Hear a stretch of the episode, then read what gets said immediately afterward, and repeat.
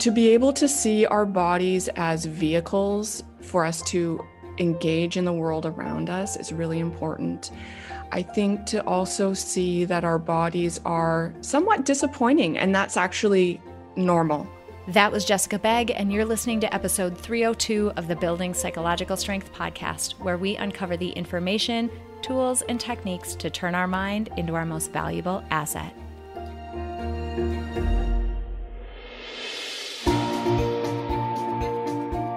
The courage to face fears with persistence. Being able to be present enough in this moment to choose my response thoughtfully.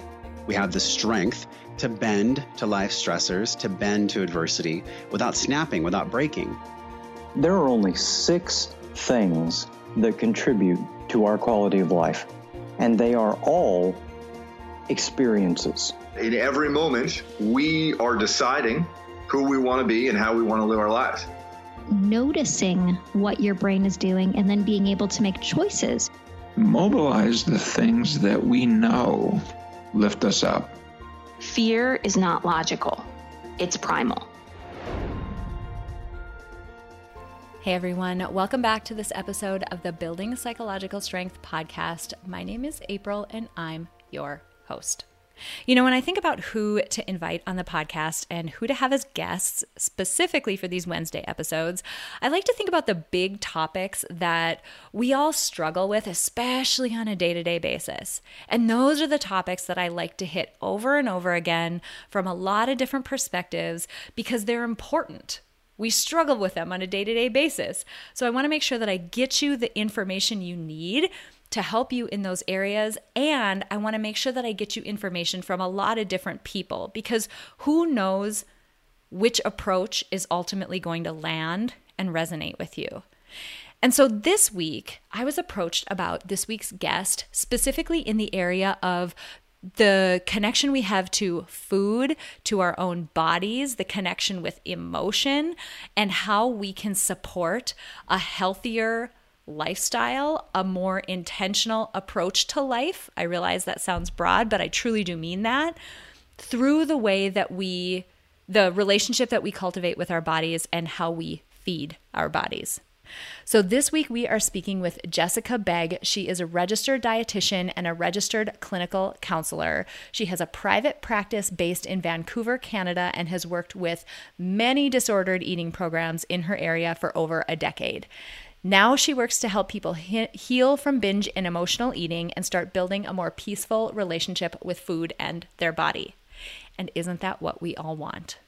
I want you to think about this like, even if you're a person who does not currently suffer from what you would consider an eating disorder, one of the things that we talk about in this episode is how pervasive the messaging and marketing around diet culture has become and how influenced we are by it without realizing because we're such adaptive people and we adapt to this constant barrage of messages. It can feel like it doesn't matter, it can feel like it doesn't impact us when ultimately it is.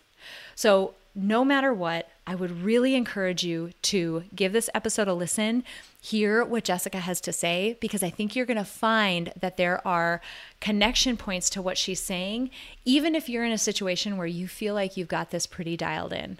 She's got such an incredible approach to eating and our relationship with our body as a form of self care. Oh my gosh, such a good conversation around that. Such a good conversation around the connection to our emotional awareness and emotional intelligence. And then also some incredibly practical tips about what to do to move forward in a more intentional way. So, with that, I'm so thrilled for all of you to meet Jessica Begg. Let's roll that episode.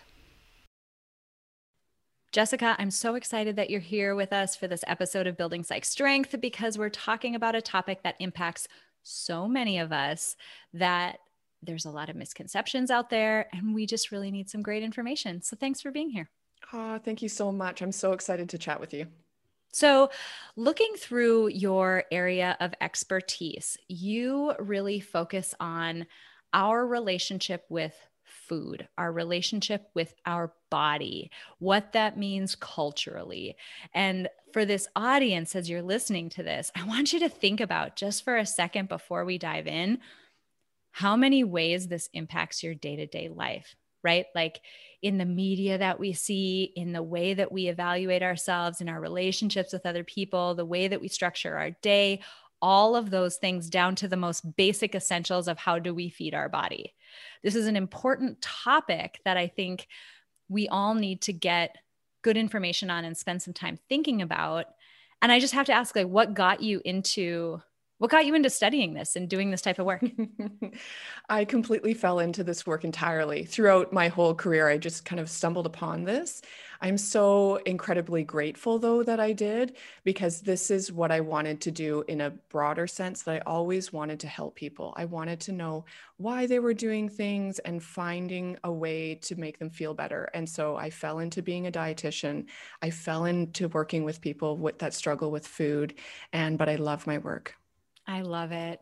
Okay, so when we think about sometimes we joke on uh, the podcast that it, eh, you've probably seen it on instagram right there's these like posts that say we're basically like emotionally complicated houseplants like we need to be fed and watered we need some sunlight yes and then we have like these emotional needs as well yes.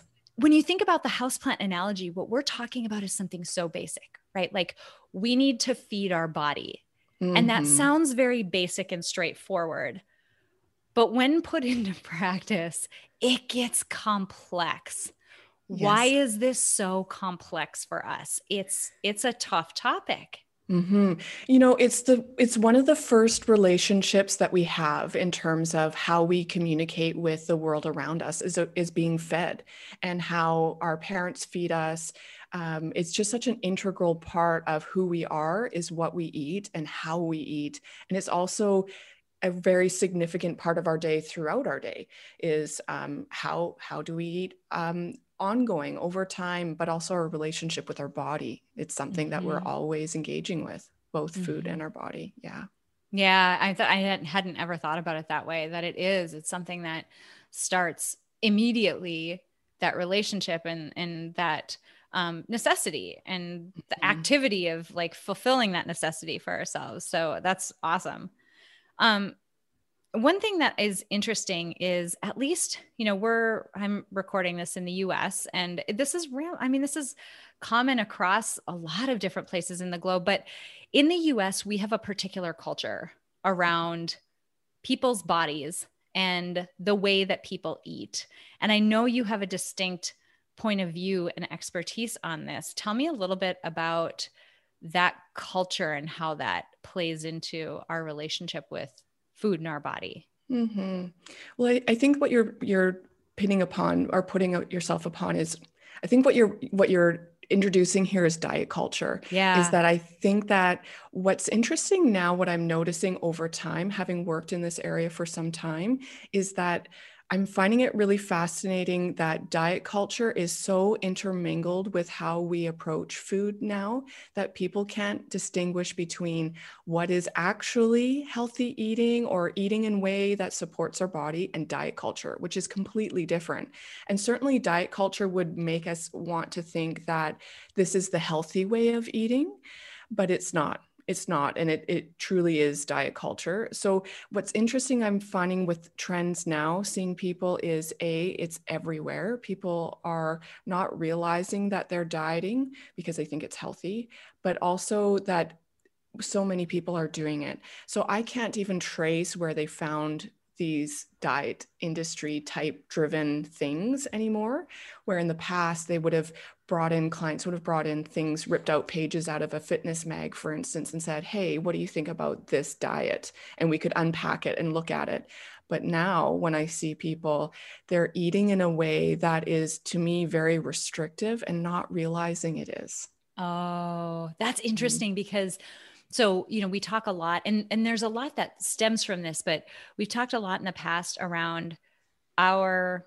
adaptive. I mean really as, as human beings it's adaptive that we're able to acclimate to our circumstances right? Like mm-hmm. we can get used to um, almost anything. We're incredibly flexible adaptive species. But what that also does is you get that sort of boil the frog situation where you know you you put the frog in, in cool water and slowly turn the temperature up and they sort of acclimate along the way and they don't realize that they're sitting in boiling water and that mm-hmm. it's a mm-hmm. dangerous situation because like they've acclimated and when I think about things that are so pervasive, that are so intertwined into our culture, like what you're describing, we can go through life with what is extremely persuasive messaging and not even see it. Yes.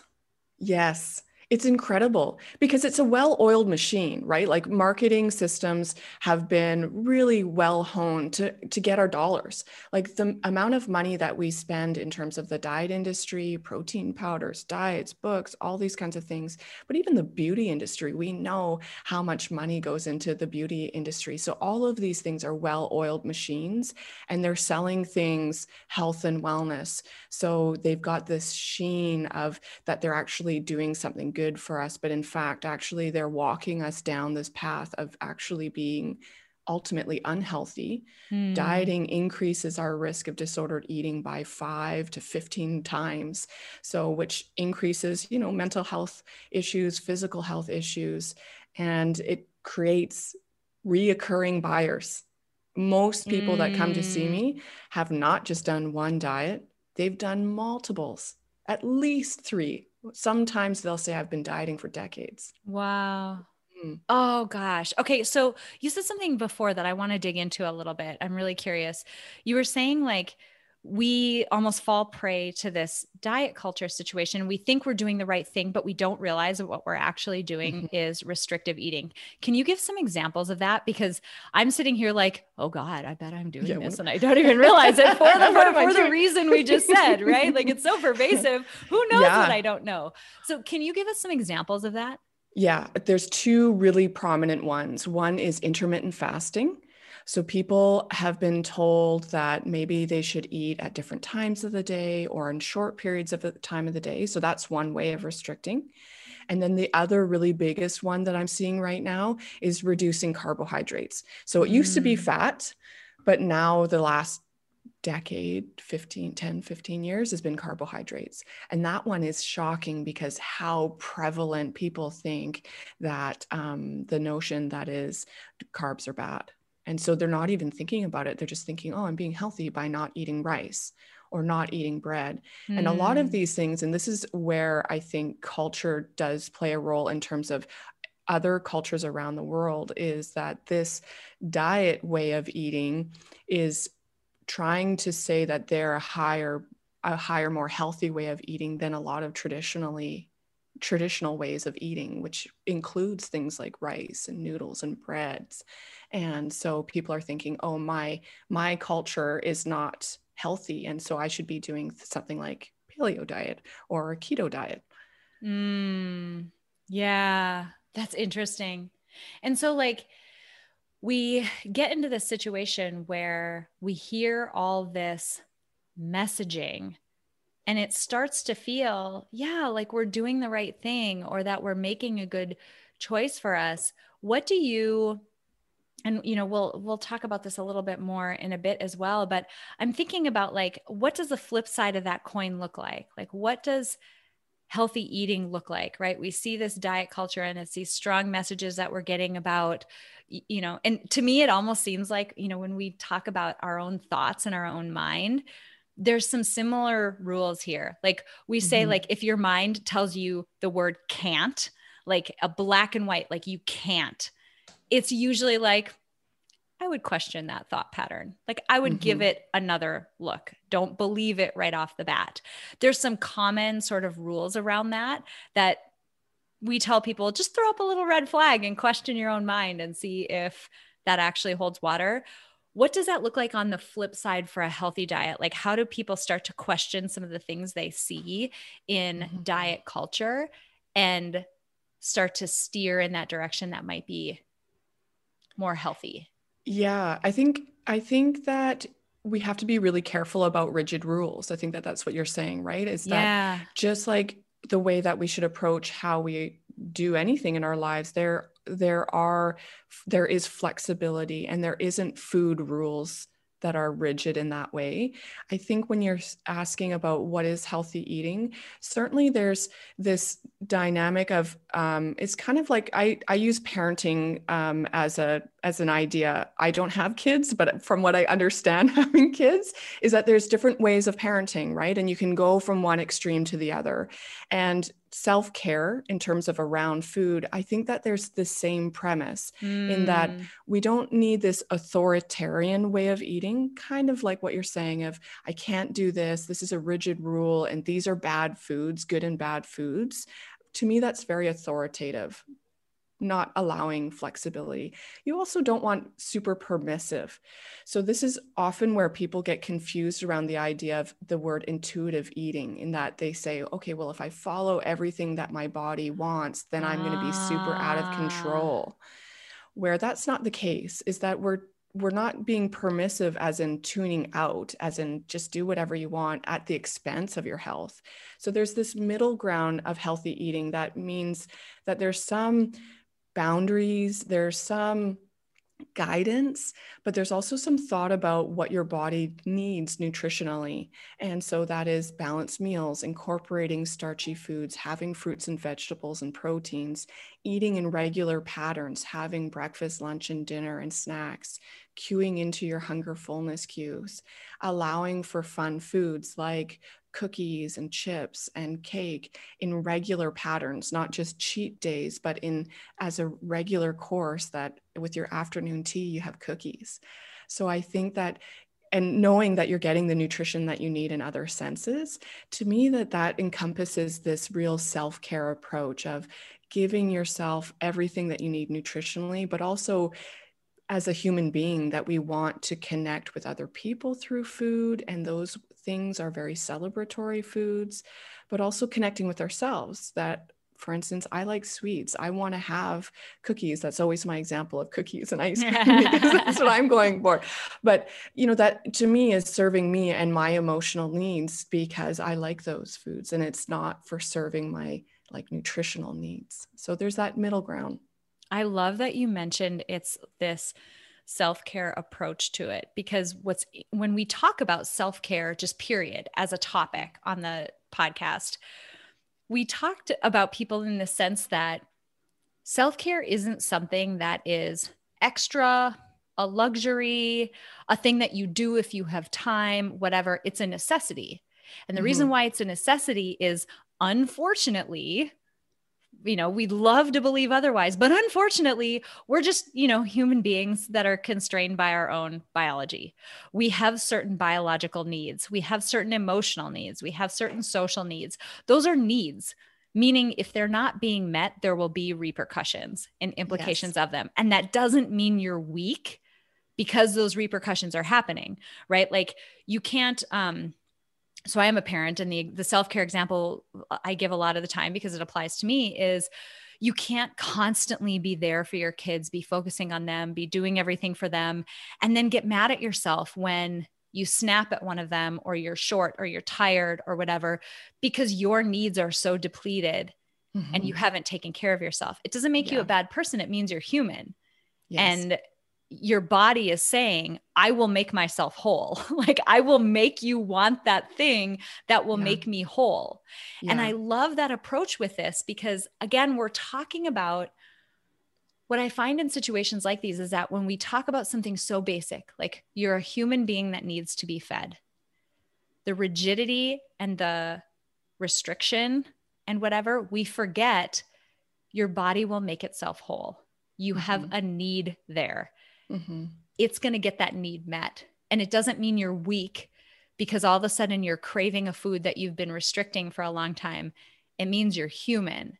So, what I love is that what I'm hearing you say is like, can we take this approach of self care, of figuring out what it means to love our bodies as a biological, social, emotional being?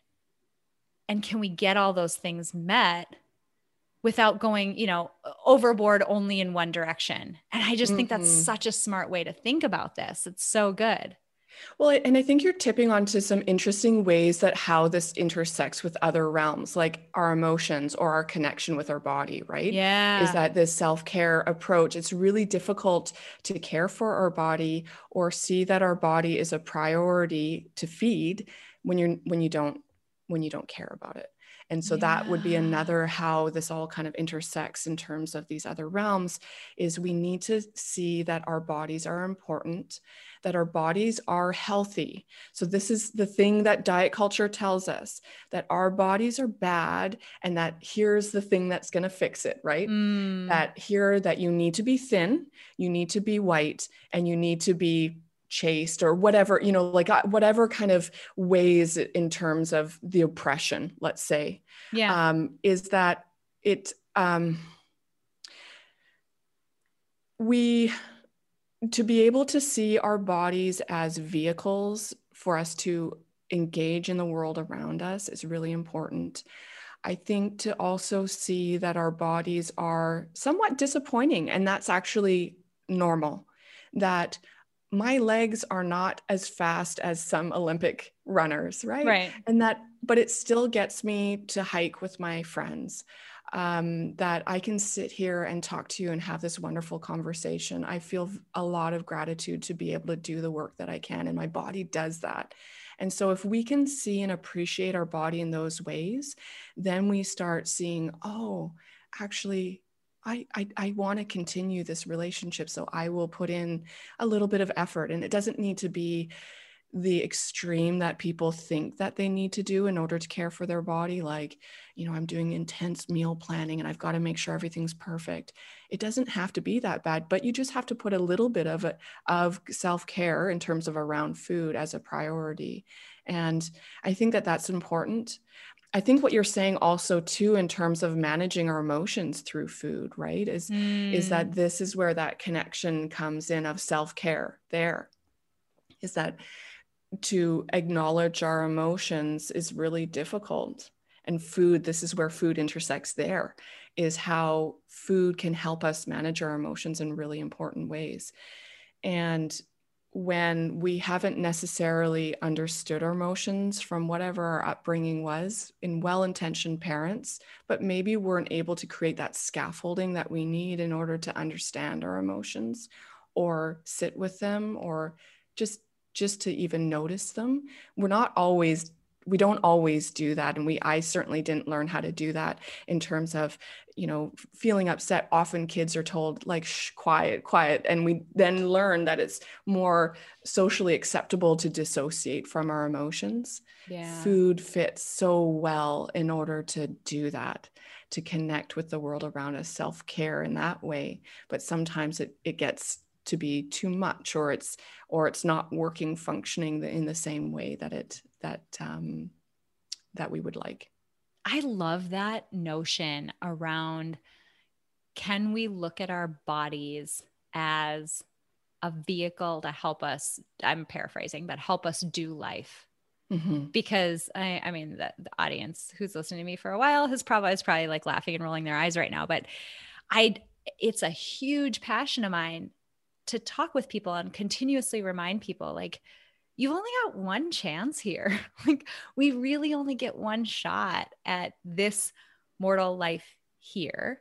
And it's important that we spend some intentional time. This is the whole anchor around life design.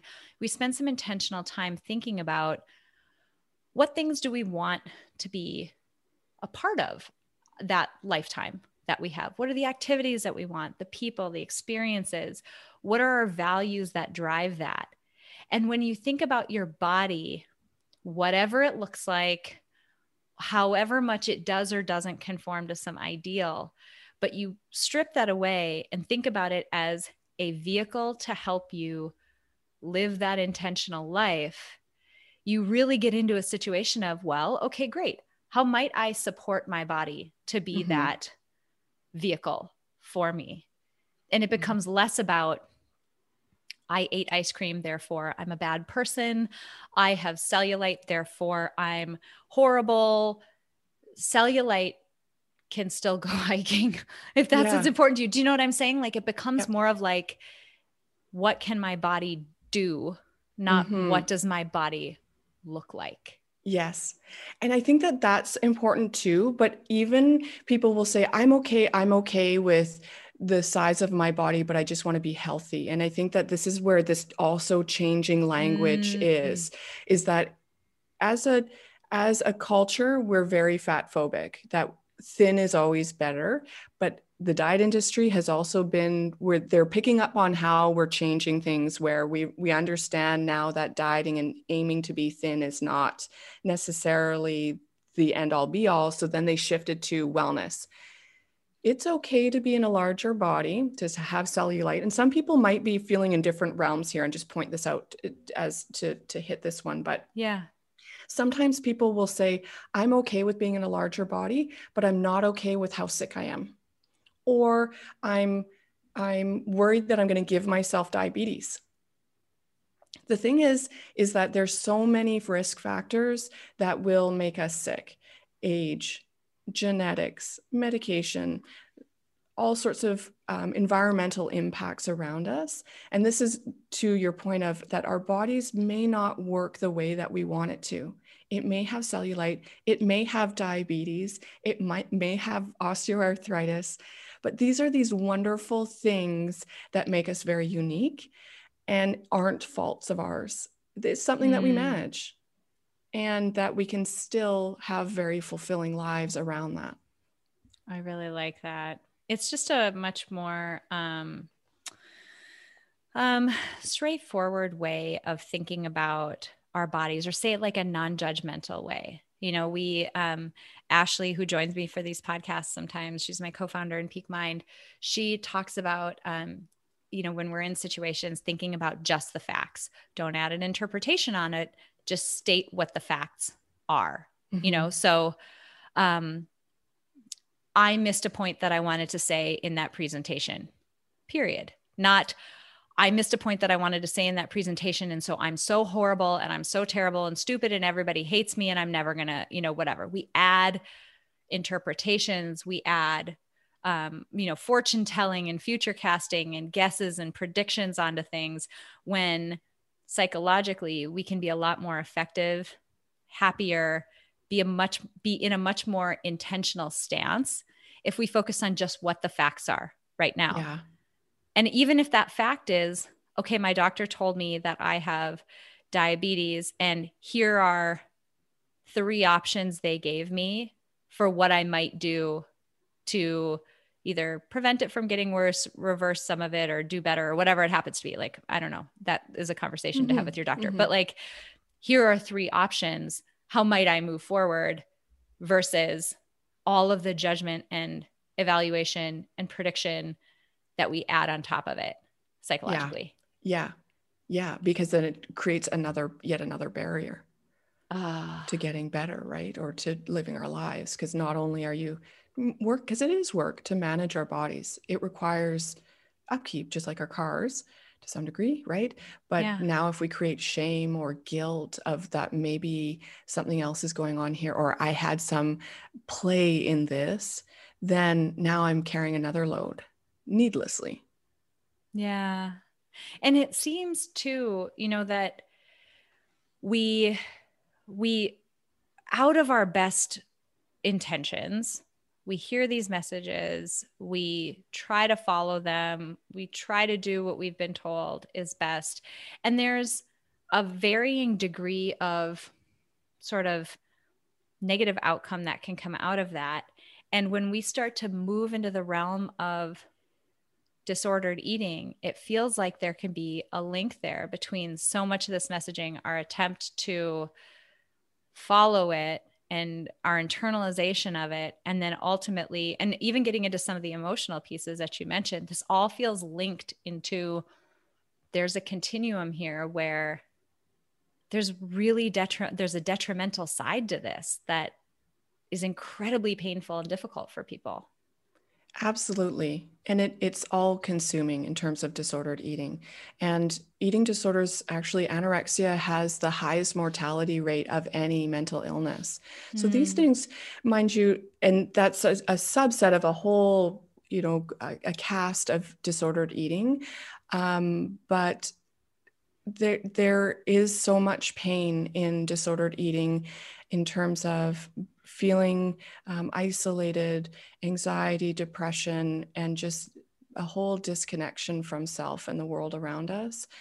Um, i and and a lot of people aren't getting help and this is the thing is that um, a lot of people have uh, pre- presumptions about what eating disorders look like mm. and for one in terms of them identifying it within themselves so for instance they say about 6% of those that have eating disorders are in thin or underweight bodies.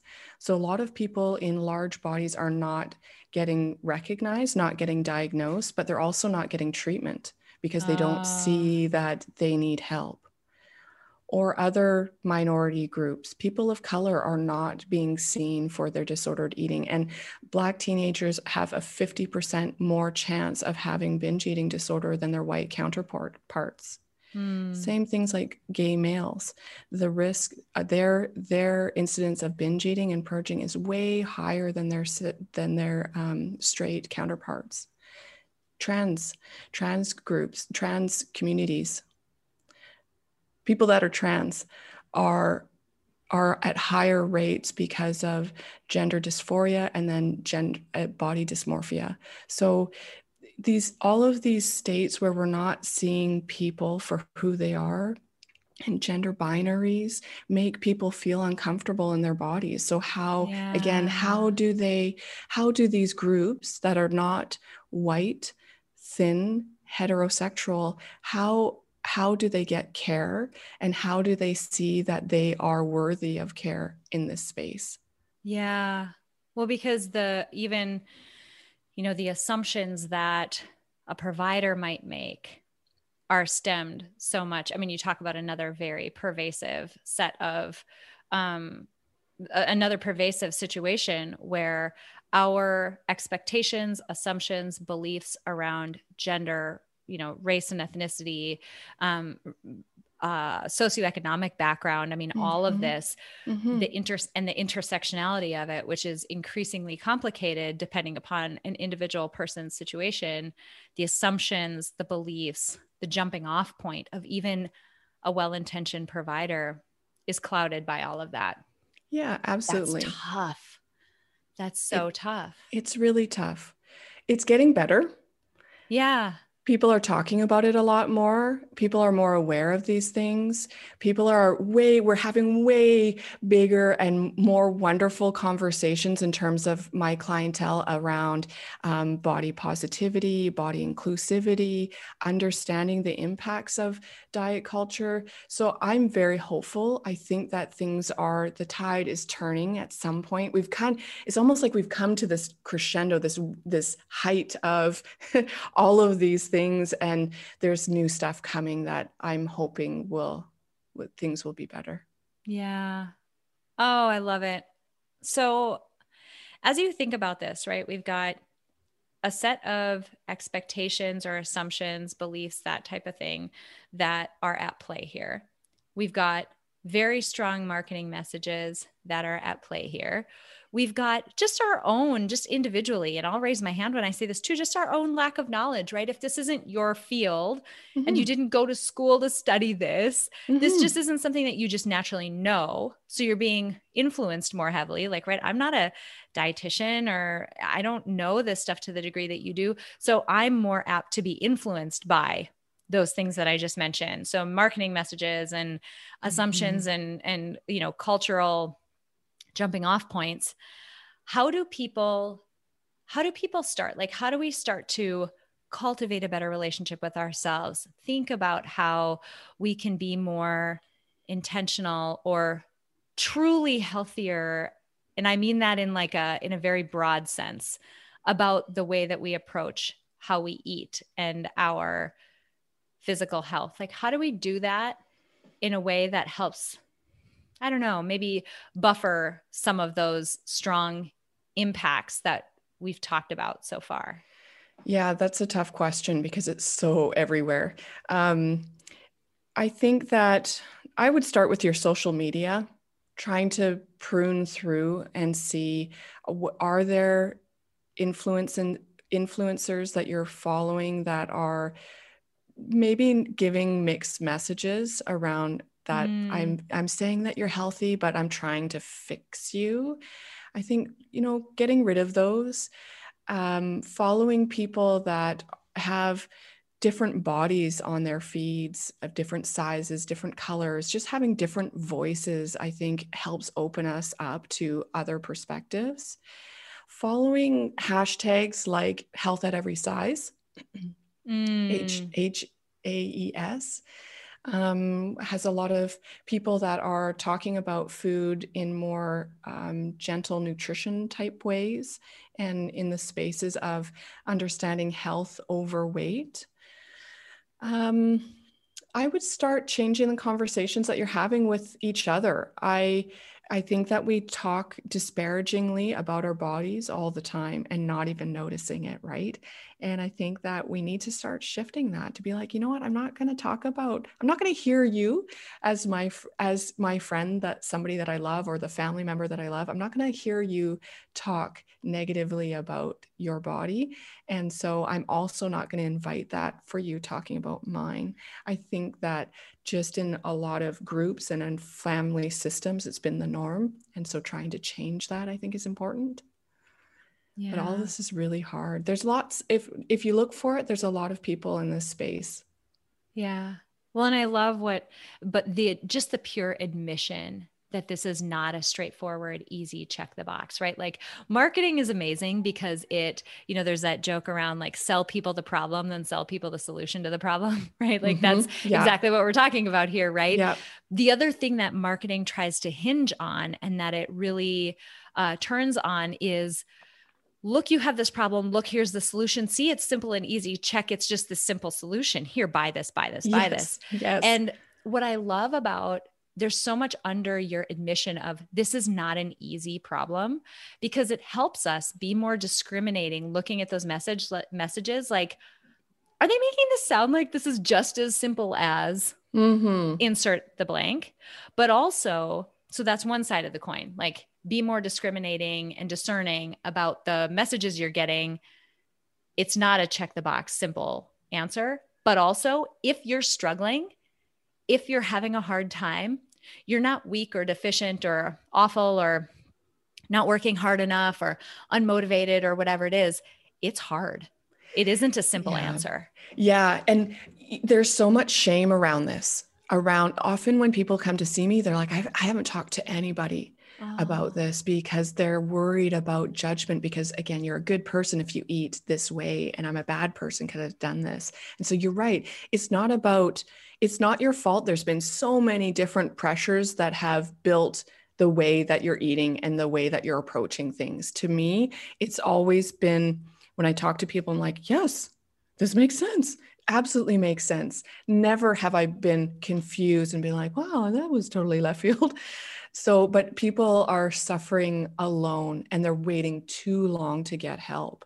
That there's lots of dietitians, counselors that work in this eating disorder realm that want to help you. And you don't have to be, you know, I've got to be sick enough in order to reach for help. We want to help you whatever stage you are. If you're worried about how you're approaching food, please come to see us and don't wait.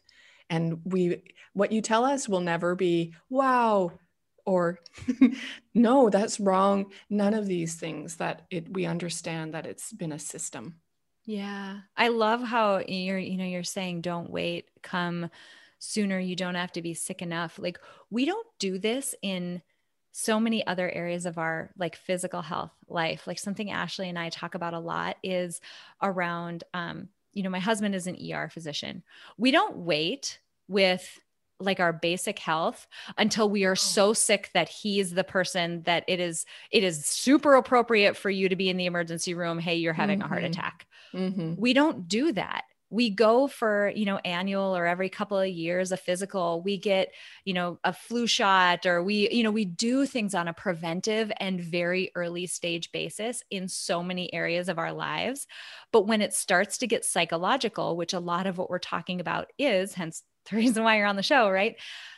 when we start to get in the psychological realm, somehow we think, I have to be in such a, a difficult state mm-hmm. for me to take care of yourself and or myself. And it's like, no, like start early, do the preventive things, like do the things that we suggest on the show, the things that you're talking about within this realm, so that you're setting yourself up to have a really good foundation. And eventually, you know, like things happen and we end up in circumstances, but when you've got that good foundation started by reaching out early, by getting good information, gosh, you're in a better situation to handle it if something mm-hmm. does come mm-hmm. along that is truly, you know, out of left field, out of your control and, you know, here we are, we need to manage it. So I love that advice of starting early because we do it in other realms, but somehow psychologically it just doesn't apply. No. Yeah. Okay, so I have to ask um, when you think about from this psychological stance, what does psych strength mean to you in the terms of the work that you do? I think that people do better when they have compassion for themselves. That when they are able to see that it perfection is is a fallacy, that having ups and downs make you so stronger allow you to learn more about what's going on in the environment in which you live, to be able to have compassion, to be flexible is strength. I love that. And there's so much behind that in the psych literature right now, like so much data supporting you that self compassion is just this superpower that if people could develop it, it mm-hmm. just the tentacles of it just reach into every aspect of your life. But I can totally see how it applies here. Yeah. You know, you mentioned um, having people reach out early. How do people reach out to you? How do they find you online? They can find me at shiftnutrition.com. I have a group program called Connected Eating, and I walk people through this process of connecting with their body, understanding how they should feed their body, and understanding how food and their emotions fit and how to make it work for them. So they I can find me that. there. I love that. We'll make sure that we have that link in the description of this episode on your show notes page. I love that there's such a connection to emotion because if we focus this on just purely a um, willpower, a word I hate, um, willpower or physical sort of check the box thing, it seems, you know, as we've said, so simple and so straightforward. But isn't it funny that that approach doesn't work for like anyone? Isn't that weird? it must just mean this one individual person is weak, right? It's not that it just is a terrible approach and it doesn't work. Oh. It's that oh. this one individual person is weak. Yes. No, it doesn't work for anyone. No, so, it really doesn't. I love that that's part of your program. Um, I so appreciate you being here. I can hear the compassion in your voice and I can hear how you have such empathy for a, a difficult, complex situation for people. So I just appreciate you being here and sharing this information with us. Oh, thank you so much for having me, April. And thank you for doing your work. It's a simple fact that nearly everyone in the world could benefit from building psychological strength, but not everyone will put in the time and effort to do so. But today you did. Thank you so much for listening to this episode of Building Psychological Strength. Now, if you're interested in building the mental toughness, confidence, and resilience you need to thrive through life's ups and downs, visit us at www.peakmindpsychology.com. Also, if there's someone in your life who could benefit from this episode, please share it with them. And if you yourself found this episode valuable, meaning if you took away even one insight that you can use to build psychological strength in your own life, we would so appreciate it if you would drop us a rating and a review on iTunes. The thing is, the more ratings and reviews we have, the easier it is to get this powerful and important content out to the people who need to hear it. Remember, your mind can be your most valuable asset or your biggest liability, and you get to choose. So choose wisely, my friend. And I'll see you next time on Building Psychological Strength.